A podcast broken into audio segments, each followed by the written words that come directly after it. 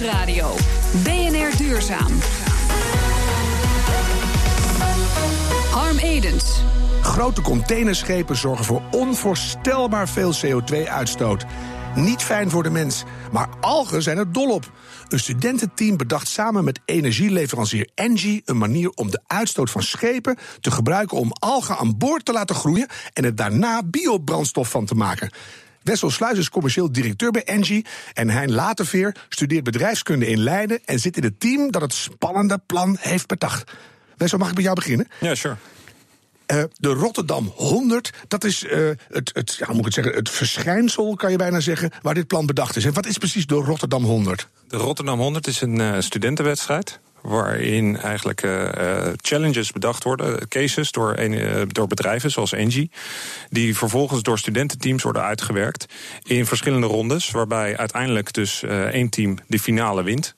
En 100 doet denken dat er 100 ja. plannen mee mogen doen. Nou, dus een 100 studenten aan het begin van de, van de challenge. En er blijft uiteindelijk één team over. Dan begint er een gruwelijke afvalrace. En dan ja, uiteindelijk... met en alles erbij. ja, ja, ja, En wat is jouw rol, behalve dat je bij Engie werkt? Heb je nog meer gedaan daar? Ik heb, uh, deels heb ik het team uh, begeleid. Mm -hmm. en uh, main contact geweest voor, voor Hein. Ik heb, daarnaast heb ik ook de, de case samen met, met iemand van de Hogeschool Rotterdam geschreven. Uh, dus de uitdaging kwam vanuit mijn koker. En daarom leek het me ook aardig om uh, dan ook de helpende hand uh, te bieden. Ja, dus van beide kanten hebben jullie het probleem gesandwiched, om het maar zo te noemen. Ja. Even naar die bedrijfskant. Hè. Wat heb je er als bedrijf aan om mee te doen aan zo'n wedstrijd? Want het, het klinkt duur, je moet er veel in investeren. En als je pech hebt, levert het alleen maar een groene imago op. Of, of is er meer? Nou, er zit natuurlijk een, een PR-component aan. Maar voor ons is het ook ontzettend belangrijk om gewoon gestimuleerd te worden met frisse nieuwe ideeën, andere kijk op de zaak. we zijn een, uh, we zijn een groot, uh, groot internationaal bedrijf met een energie- en een technische installatietak. Uh, waar we al een heel jarenlang track record hebben opgebouwd. Maar door een jarenlang track record te hebben opgebouwd, doe je ook misschien elke keer wel weer hetzelfde. Ja. Dus je wil ook wel een beetje gechallenged kunnen worden. Maar het klinkt altijd zo wonder. Dat een bedrijf heeft zijn eigen bedrijfsvoering en die, die bemoeit zich daarmee en die zet zich daar zo innovatief mogelijk, um, uh, houdt zich daarmee bezig. En dan heb je ineens weer studenten nodig om het volgende goede idee uit te halen. Hoe, hoe komt dat toch steeds? Het is niet per se dat je uh, het nodig hebt. Het is natuurlijk ook een, uh, een, een, een, ontmoeting met nieuw talent. Het heet niet voor niets de Rotterdam 100. Hè. Mm -hmm. Het gaat om de 100 beste studenten van Nederland. Dus er zit ook een component in dat je ja, met een nieuw aankomend talent uh, geconfronteerd wordt. En ook gewoon een, uh, ja, een outside-in look in je, in je bedrijf. Ja. Dat, dat snap ik eigenlijk heel goed. Hein, hoe kwam jij verzeild bij die Rotterdam 100? Want, want sinds wanneer weten bestuurskundestudenten iets over duurzaamheid? Ja, dat is een goede vraag. Um, ik ben er terechtgekomen online eigenlijk. Uh, en ik zocht wat naast bestuurskunde. Bestuurskunde is echt gericht op het publieke domein. Mm -hmm. En ik zocht eigenlijk iets daarnaast wat ook met ondernemerschap bezig was. En zo kwam ik bij de Rotterdam 100. Ja, maar dat kan, iedereen kan wel een beetje googlen. Maar ik hoor net de 100 beste studenten. Dus wat heb je ingestuurd dat ze zeiden: die Hein, die moeten we hebben? Nou, het is een lange selectieprocedure. Je wordt eerst uitgenodigd voor een uh, pitchdag. Dan moet je een motivatie schrijven, uh, motivatiebriefje, CW aanleveren. En dan word je uitgenodigd genodigd voor een hele dag. Daar krijg je trainingen in pitchen en hoe je dingen moet overbrengen. Mm -hmm. Uiteindelijk, als je daar doorheen komt, daarvoor werden geloof ik 150 uh, studenten uitgenodigd van de 400 die zich op hadden gegeven. Als je daar doorheen komt, dan zit je in de echte Rotterdam 100. En dan uh, begint de echte lol. Dan begint het. Maar even terug naar dat punt dat jij zei... ik wil ook wel een beetje ondernemen. Vind ik nou niet de beste pitch die ik ooit gehoord heb. Dus ja. weet je nog iets van van je zegt. En daarvan zeiden ze, kijk, die Hein die hebben we nodig. Um, ik denk gewoon mijn enthousiasme. Ik had me opgegeven voor de, voor de business case van, van de circulaire economie. En dat idee sprak me heel erg aan. Dat je eigenlijk geen afval en geen input hebt in een, uh, in een business idee. En eigenlijk ook waar we met z'n allen, met alles wat we doen, naartoe moeten. Hè? Dus het, het lijkt me de slimste oplossing. Misschien ja. ook wel de beste keuze die je had kunnen doen. Zullen we naar die CO2 en die algen gaan? Wat is precies jullie plan? Ons plan is in feite uh, om de CO2 en de zwavel en de stikstof en dergelijke rotzooi die containerschepen uh, uitstoten. Dat is ontzettend veel. We hadden gevonden dat in 2050 wordt verwacht dat 17% van de wereldwijde CO2-uitstoot uh, door containerschepen komt. Nou, dat wouden we tegengaan.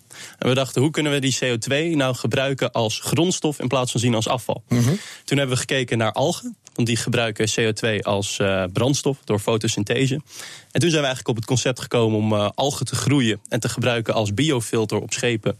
En die later, als ze bij de haven aankomen, om te zetten in biobrandstof. Ja, dus je gaat algemeen meenemen op die boten. Ja. In bakken of zo, misschien in zwembadjes.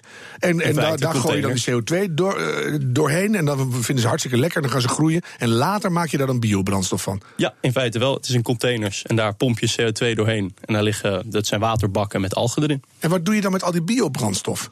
Nou, die biobrandstof kun je dan bijvoorbeeld weer gebruiken op de schepen. En zo creëer je een mooie cirkel. Oh ja, maar aan het eind heb je dan alleen maar biobrandstof waar die op loopt. Heb je geen CO2 meer, dus dan groeien die algen niet. Dus af en toe wel, af en toe niet, zoiets. Nou, die algen die verbrand je natuurlijk. Daar komt wel weer CO2 bij vrij. Dus bij elke keer dat je die biobrandstof verbrandt, komt de CO2 vrij en die kun je weer mooi afvangen. Ik voel inderdaad echt een mooie keten. Hoeveel duurzaamheidswinst gaan we daaruit halen? Nou, eh, in onze eerste berekeningen hebben we uitgevonden dat eh, je theoretisch kun je 100% van de CO2-uitstoot van een schip eh, filteren. En daarvoor heb je 120 van onze containers nodig. En dat klinkt natuurlijk als ontzettend veel. Maar op eh, containerschepen staan 5000 tot 15.000 eh, containers. Dus Ik eh, zeg, het is een schijntje. Ik hoop het wel, ja, dat was wel onze bevinding. Ja, maar dat is mooi dat je dan meteen ziet dat er een soort realistisch kantje aan zit. Want ik kijk even naar Wessel. Dit is een tamelijk ambitieus plan. Eh, die boten, niet alleen 17% van de wereldwijde omzet, ook al die roetdeeltjes. Geloof ik 20% van de, van de opwarming komt daar vandaan. Gigantisch. Toen hij dat plan aan jou voorlegde, of samen ontwikkelde, wat was jouw indruk van? Beetje grootheidswaan? Ehm, nou, het idee om algen te gebruiken, hè, om, om, om CO2 als input te gebruiken... en daar op basis van algen te kweken, is, eh, is niet helemaal nieuw. Hè, maar eh, het team eh, van, van Hein had gekozen voor een, een, een oplossing... waar de, de impact zeg maar, gemaximaliseerd werd. En daarom vond ik het juist wel ambitieus. Hè. Denk groot en gaat dan vervolgens terugredeneren. Waar we wel ook over gesproken hebben, is van uiteindelijk is, is, is duurzaam is een combinatie van het is niet, niet schadelijk voor het milieu, maar het is ook nog eens een keer economisch rendabel. En het is een betrouwbare oplossing. Maar dat is de volgende vraag. Dan is Ja. dat zo. Want als ik hoor, je moet op die schepen... nou ja, hoeveel procent van de ruimte moet je inruimen voor je algezwembadjes? 1%. Ja, maar nou ja, 1% kostenverhoging. En dan moet je ook nog een duur systeem voor CO2-afvang installeren. Nou, daar komt vast nog wel een hoop andere flauwekul bij terecht. Leen, eh, weegt dat op tegen de, de kosten die je weer haalt uit, het verk, uit de verkoop van de, van de biobrandstof? Op dit moment, want biobrandstof zou je altijd moeten afzetten tegen eh, de brandstofprijzen van de, de, de ruwe grondstoffen, de, de raw oil die we nu eh, halen. Die prijzen zijn nu weer ietsje aan het stijgen. Dus dat is voor de duurzaamheid is dat eh, positief. Hè. Eigenlijk moet, moet fossiele brandstof juist heel duur worden Ja. om het aantrekkelijk te maken. Op dit moment zou je nog heel erg afhankelijk zijn van incentive-programma's die door overheden worden ingestoken. En het lastige daarin, denk ik, in deze casus is nog steeds dat containerschepen internationaal varen. Ja, dus we moeten een internationale CO2-beprijzing. Maar die schijnt er echt wel een keer aan te komen hoor.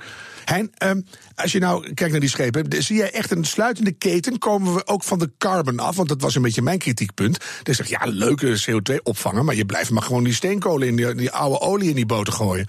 Ja, dat is een goede, eh, goede opmerking. Het is wel onze bedoeling om inderdaad eh, al, de, al die CO2 af te vangen. En door onze units wordt eigenlijk de CO2 die je gebruikt, die je uitstoot, wordt twee keer gebruikt in de energieketen. En over de incentive, eh, waar Wessel het net ook over had. eh, op dit moment is het inderdaad zo dat het alleen om de verkoop van die algen zou gaan. Dus dan hebben eh, rederijen nog niet heel veel reden om het te kopen. Maar er komen eh, nieuwe regulaties aan. Ja, en, en al vrij snel had ik begrepen. Hè? Ja, in 2020 dan implementeert het IMO, dus het Intermonetair Scheepsorganisatie, maar dan in het Engels, die implementeert nieuwe regels over de zwavel. De zwavel die in brandstof zit, dat is ontzettend schadelijk voor het milieu. En die, gaat, eh, die moet drastisch omlaag. Van 3,5 massaprocent naar 0,5 massaprocent. En dat betekent dat de brandstofkosten voor die eh, schepen... die stijgen met misschien wel 40 procent. En met onze algen, met onze algen met ons algen-idee, dan kunnen zij eh, gewoon de normale brandstof blijven gebruiken, omdat wij de zwavel eruit filteren. Ja, het is nu 2017, dat is 2020. Dus je hebt nog 2,5 jaar, ik kijk maar even naar jullie alle twee, om dit leuke idee ja, op de markt te sodemieteren. Hoe, hoe eh, ver zijn we? Waar we naar kijken is eigenlijk eh, eerst hoe rekent de business case zich op dit moment rond. En, en dat is iets waar daar moeten we nog een extra validatie in doen. Want eh, het team van Heijn heeft een goed rapport geschreven. Maar er zijn ook nog wel wat, wat kritische noten bij geplaatst. Dus daar moeten we in verder kijken. Wat is bijvoorbeeld iets waarvan je zegt dat is nou echt nog niet goed? Nou ja, je moet uiteindelijk. eh, de rederijen hebben natuurlijk een verdienmodel wat gebaseerd is op zoveel mogelijk containers verplaatsen. En wat het model eigenlijk vraagt, is om 1% van die ruimte op te gaan geven. Maar die heb je nu alweer terugverdiend als die brandstoffenregeling verandert. Dan, dan moet wel de, de brandstofregeling. Dus we moeten ook dat mechanisme verkennen. Want het kan zomaar zijn dat je dit jaar nog geen verdienmodel hebt... en volgend jaar opeens wel. En dat vind ik best snel. Maar gaat het gewoon lukken, Hein? Ik kijk even naar de, naar de toekomst in de hoek daar. Nou, ik hoop het wel. We, zijn, uh, we gaan deze zomer gaan we hard rekenen aan die business case inderdaad. En uh, uiteindelijk weten wij ook wel dat bedrijven er niet uh, armer moeten worden. Dus zowel Engie, maar ook de, de scheepvaartbedrijven. Mm -hmm. Dus daar gaan we gewoon met een hele realistische blik naar kijken. Maar wij hebben wel de overtuiging dat het rendabel wordt. Ja, nou was je laatst nog een eenvoudige bestuurskundestudent. Is dit nou voor jou een life changer, om het maar zo te zeggen? Nou, ik vind het wel heel leuk dat, ik, uh, dat mijn ogen zijn geopend uh, voor dit deel van, uh, van het ondernemerschap. Als bestuurskunde ben je alleen maar bezig met het publieke domein. Je gaat echt nooit meer iets anders doen. Dit wordt het, hè? nou ben je, omdat je die Rotterdam 100 won, ben je naar Singapore geweest. Ja. En, en, hoe vonden ze je plan daar? Dan kijkt de hele internationale scheepswereld naar je. Nou, het werd eigenlijk met veel enthousiasme ontvangen. Zo worden, nou worden veel plannen met veel enthousiasme ontvangen in die wereld. Dus het moet niet alleen bij mooie plannen blijven. Maar met af, afgevaardigd van de, van de scheepsrederijen, uh, hebben wij daar ook gesproken. En die uh, zagen eigenlijk wel wat in ons plan. En die gaven ons ook tips, die gaan ons ook uh, data geven. Je hebt serieuze contacten gelegd. Ja, we hebben genetwerkt. Kijk ik toch even naar Wessel. Gaat Engie dit project nou echt, echt een beetje voor zichzelf houden en verder helpen? Of zeg je, oké, okay, ik wens jullie een behouden vaart, succes? Ja, Hein heeft mij benaderd, ook zo met dezelfde vraag van, en wat nu? Ja, en daar zijn we nu serieus naar aan het kijken. Van, uh, kunnen we daar een start-up mee maken? Kijk, Engie, Engie uh, uh, wil een leidende rol spelen in de energietransitie. Als energiebedrijf, maar ook als technisch installateur. Ik, ik hoor het al, Wessel. Middelen... Je hebt helemaal geen keus. Je nee. moet mee. Vraag ik aan jullie alle twee, en we zeggen even onafhankelijk van elkaar het juiste jaartal. Wanneer zien we de eerste algeboot van jullie type, Wessel? 2020. Hein? 2020. Oh, ze zijn het eens. Nou, dan moet het wel goed gaan. Ik ga jullie bedanken. Wessel Sluis van Engie en Hein Laterveer van zichzelf. De Sustainable Goals van de Verenigde Naties. Wij hebben het er hier veel over in BNR Duurzaam. Maar lang niet iedereen weet wat die 17 doelen nou zijn. En daar probeert ondernemer Annemarie Rakhorst verandering in te brengen. Zo in BNR Duurzaam. BNR Nieuwsradio. BNR Duurzaam. Ongelijkheid verminderen, geen armoede, geen honger. Vrede, veiligheid en rechtvaardigheid. Dat zijn een paar van de Sustainable Development Goals van de Verenigde Naties.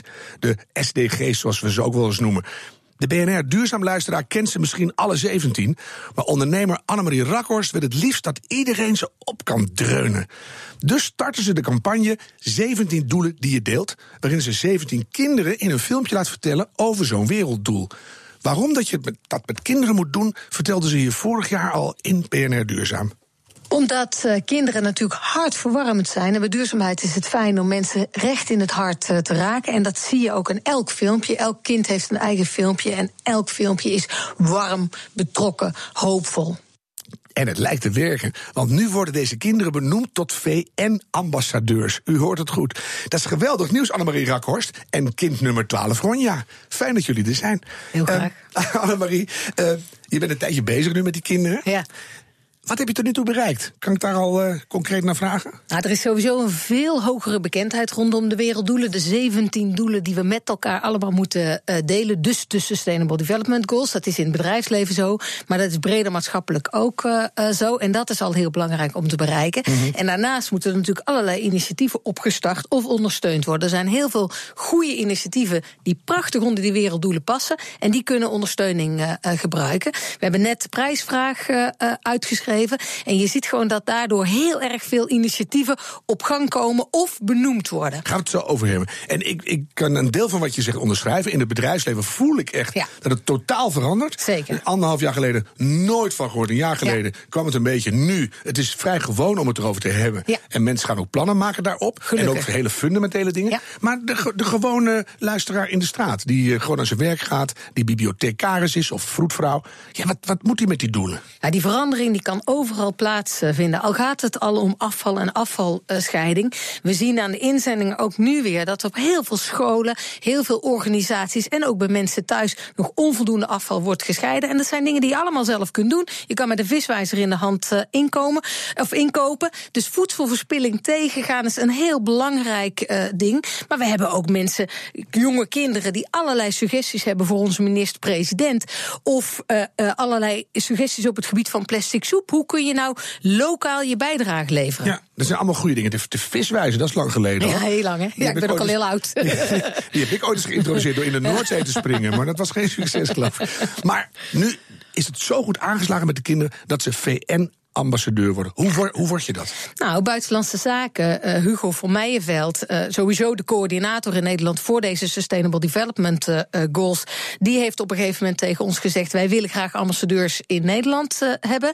Zij hadden in eerste instantie andere ambassadeurs op het oog en zij zagen toen de 17 kinderen uit de 17 doelen die je deelt campagne. En ze zeiden: dit zijn gewoon de ambassadeurs bij uitstek. En daar ben ik natuurlijk hardgrondig met ze eens. Ja, dus ze hebben Marga Bult gewoon afgebeld. Zo is het. Nou ja, en, en dan gaan die kinderen dat officieel vervullen, die functie. ja. Wat heb je daaraan?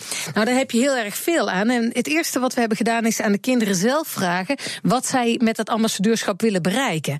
Ehm, dus dat is al een hele waardevolle eh, toevoeging. Het feit dat zij een stem krijgen, dat mensen naar ze luisteren, hun ideeën, is heel belangrijk. Maar iets anders wat we gaan doen is Nederland rapporteert jaarlijks over de voortgang van die doelen. Dus waar willen we staan in 2030? Jaarlijks wordt ook gemeten hoe ver we zijn. Er komen problemen, dilemma's en kansen uit. En de 17 kinderen worden gevraagd om mee te denken over die dilemma's en die kansen. En hun meningen worden ook echt in de Tweede Kamerstukken eh, toegevoegd en behandeld. Ja, mooi. Ja, dat vind ik ook. We wonen op een heel bijzondere planeet. Zij is meer dan perfect en meer dan te gek. Kinderen zijn goed bezig, maar volwassenen niet echt. Maar samen zorgen wij voor een eerlijkere plek. Dus bedacht heel veel landen samen 17 werelddoelen. Voor de toekomst, misschien heb jij een goeie. Misschien heb jij wel zin, dus bedenk een oplossing. Voor een nieuw begin en stuur je beste plan in. Ja, voor de goede luisteraar, dat was niet zomaar een repje. Maar de uberhippe oproep om mee te doen aan de prijsvragen waar jij het net al over had, Annemarie. Zeker. Heeft het wat opgeleverd al? Ja, dat heeft ongelooflijk veel eh, opgeleverd. Hoeveel inzettingen had je? Eh, bijna 40. Echt 40 originele Ja, ja. ideeën. Maar dan moet je je voorstellen dat kinderen de moeite hebben genomen om filmpjes te maken, zelf voor de camera eh, zijn gaan staan en echt geweldige ideeën hebben ingeleverd. Ik vraag me af als je dit bij volwassenen doet, hoeveel mensen echt zo'n filmpje van zichzelf maken. Van die 40 inzendingen, kan je één voorbeeld noemen waarvan jij zegt dat, dat vond ik nou echt geweldig zelf? Ah, ja, het, dan ligt er een beetje aan waar je naar kijkt. Dus eigenlijk verschillende criteria kun je daarop eh, eh, loslaten. De originaliteit van het idee. Dat is natuurlijk een hele eh, eh, eh, belangrijke. Ja, en dan gaat het over bijvoorbeeld een, een kliekjesbox... waarbij je de kliekjes bij je buren en bij elkaar ophaalt. Dus we kennen wel het afhalen van maaltijden... maar ga je nou ook de restanten van het voedsel bij iemand anders ophalen? Heel origineel, heb ik nooit gezien. Vraag eens of mensen het doen, maar qua idee natuurlijk briljant. En dat zet je weer aan het denken. En zet je weer aan het denken. Nou, heb je in de overheid en het bedrijfsleven allemaal grijze mannen in pakken. En dat is nog steeds eigenlijk zo. En dan denk ik, luisteren die wel naar kinderen? En zijn er ook harde bewijzen van? Want ik kan me voorstellen dat je de, de onschuld en de schattigheid van kindjes gebruikt om de boodschap over te brengen. Maar dit is toch iets heel anders. Ja, daar wordt wel degelijk geluisterd. Je ziet natuurlijk dat Prinses Laurentien met de eh, Missing Chapter Foundation en de Raden van Kinderen al jaren ook bij het grotere bedrijfsleven aan tafel zitten. Dat er bedrijven zijn die Raden van Kinderen hebben ingesteld en die ze eigenlijk met name gebruiken omdat ze niet vastzitten in denkpatronen en wat dat er allemaal niet kan, maar heel erg vrij eh, eh, denken en ideeën hebben. En je ziet dus ook dat die toegevoegde waarde naar het MKB en de familiebedrijven gebracht moet worden. Dat is precies wat we aan het doen zijn. Nou, je kunt heel makkelijk zelf thuis scheiden en je kunt eigenlijk bijna alles gewoon gebruiken. Hoeveel werk is het nou dat een in de ene bak te gooien en dat andere in die andere bak? Ik denk dat je niet heel veel nieuwe dingen of dingen die heel snel kapot gaan erbij moet maken. Ik denk dat je gewoon met al het plastic dat er al is, gewoon nog een keer gebruiken. En dat gewoon iets heel moois nieuws van kan maken. Dat is toch hartstikke handig? Ik ben Ronja en ik ben 11 jaar. Ja, mooi om even weer terug te horen, Ronja. Hè? Ondertussen ben je alweer wat ouder. Is dit je eerste keer op de radio? Eh, ja, dit is de eerste keer. En hoe vind je het tot nu toe? Ja, wel spannend, maar wel leuk. Nou ben je al een tijdje eh, meisje nummer 12, noem ik je maar even stiekem. Wat heb je allemaal beleefd sinds iedereen je online kan zien?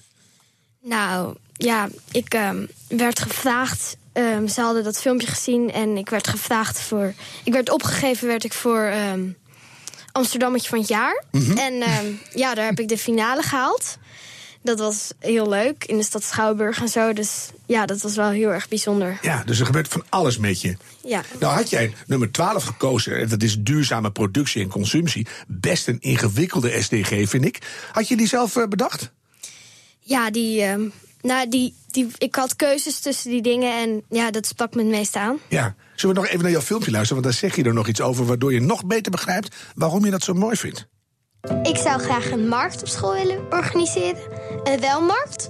Omdat je dan gewoon spullen kan ruilen die je niet meer leuk vindt. En dan komt het niet meer op de afvalberg terecht. En dan heb jij iets wat je leuk vindt. En het ook nog goed voor het milieu. Ja, en, en hoe gaat het met de ruilbeurs? Is die er al? Nee, maar we zijn wel bezig. Die gaat er Eh, echt komen. Ja, hopelijk wel. Ja, ik vind dat soort dingen moet je dan ook gewoon doen natuurlijk. En wat ga je zelf omruilen? Die, die jurk van Frozen, want daar ben je nou toch te oud voor. Ja, die is er nooit geweest. Maar ehm, ja, een boel spullen, een boel kleren die ik niet meer pas. En eh, een boel speelgoed waar ik eigenlijk iets te oud voor ben. Ja. En toen belde Annemarie en die zei... zeg, eh, Ronja, je wordt VN-ambassadeur. Wist je eigenlijk wel wat het was? Ehm, nou, dat is me uitgelegd. Ja, dat lijkt me ook heel ingewikkeld. Ja, dat. Ja. Dat is misschien ook wel de grote waarde, hè? dat we uitleggen wat de VN doet en, en eh, dat ze er kennis van nemen. Ja. En dat ze eh, als VN-ambassadeur ook mee kunnen gaan eh, werken. Daar komt er gewoon bij nog eigenlijk. Ja. En toen je Ja. het helemaal door had hoe het zat, hè, vond je het, wat vond je er toen van? Dacht je, nou, waar begin ik aan? Of was het leuk? Nou, ik vind het heel speciaal, want ja, niet iedereen is VN-ambassadeur.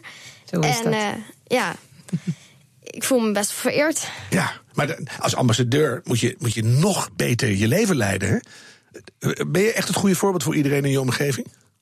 Ja, ik, ik, ik, ik hoop het wel. Ik denk het wel een beetje. Ik, ja, ik probeer wel zoveel mogelijk familie en vrienden te stimuleren om beter afval te scheiden en dat soort dingen te doen. Heel goed. Wat ga je als eerste daar vertellen? In, eh, nou, waar zitten ze tegenwoordig? Ergens in Brussel en zo. Wat, en in, in New York. Wat ga je vertellen aan de, aan de VN? Ehm, ja, dat het eigenlijk. eh, dat iedereen het beter moet doen en dat eh, ze dat thuis en de mensen over moeten brengen. Ja, hello, I'm Ronja from the Netherlands. Ja. En, ik eh, houd kantoor in Nemo, hè, want de 17 ambassadeurs die houden kantoor in Nemo vanaf de dag van de benoeming. En dan krijgen ze ook heel specifiek de problemen die Nederland heeft voorgelegd. En dan kunnen ze ook heel goed de tekst formuleren wat ze dan tegen de VN gaan vertellen. In het Engels. Ja, maar dat kunnen ze wel. die wel, maar kinderen er- zijn zo er- Er komt van alles bij. Ik hoor Ja, het al. ja. Wanneer is het voor jou geslaagd dan, Annemarie? Ja, dus we willen eigenlijk de kritieke massa hebben. Dus 20% van de maatschappij die het echt weet en eh, doet, want dan brengen ze het wel verder. En implementatie in het bedrijfsleven. Niet alleen in de strategie, maar gewoon de uitvoering tot op de vloer. En dan ook minimaal 20, 25%. en zijn dan we blij. Via de jeugd. Dus dan, dan moet het goed komen. Ronja, heel Ja. veel succes. Dank je. Dank jullie wel, Heel allebei. graag gedaan. BNR Nieuwsradio.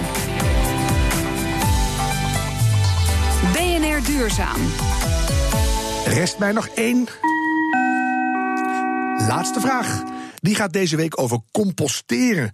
Je kunt wel een bak met wormen neerzetten en je GFT-afval erin gooien. Maar hoe weet je nou of je compost goed is geworden? Redacteur Paulien Wuster zocht het tot op de bodem uit. Ik ben ooit begonnen uit puur eigen belang met composteren. Ik deed het op drie hoog in de pijp in Amsterdam, in een, in een eh, meterkast. En toen kreeg ik daar vliegjes in. Toen dacht ik van, nou ja, dat gaan we maar op straat doen. Want eh, binnen gaat niet. Want vliegjes buiten vind ik niet erg.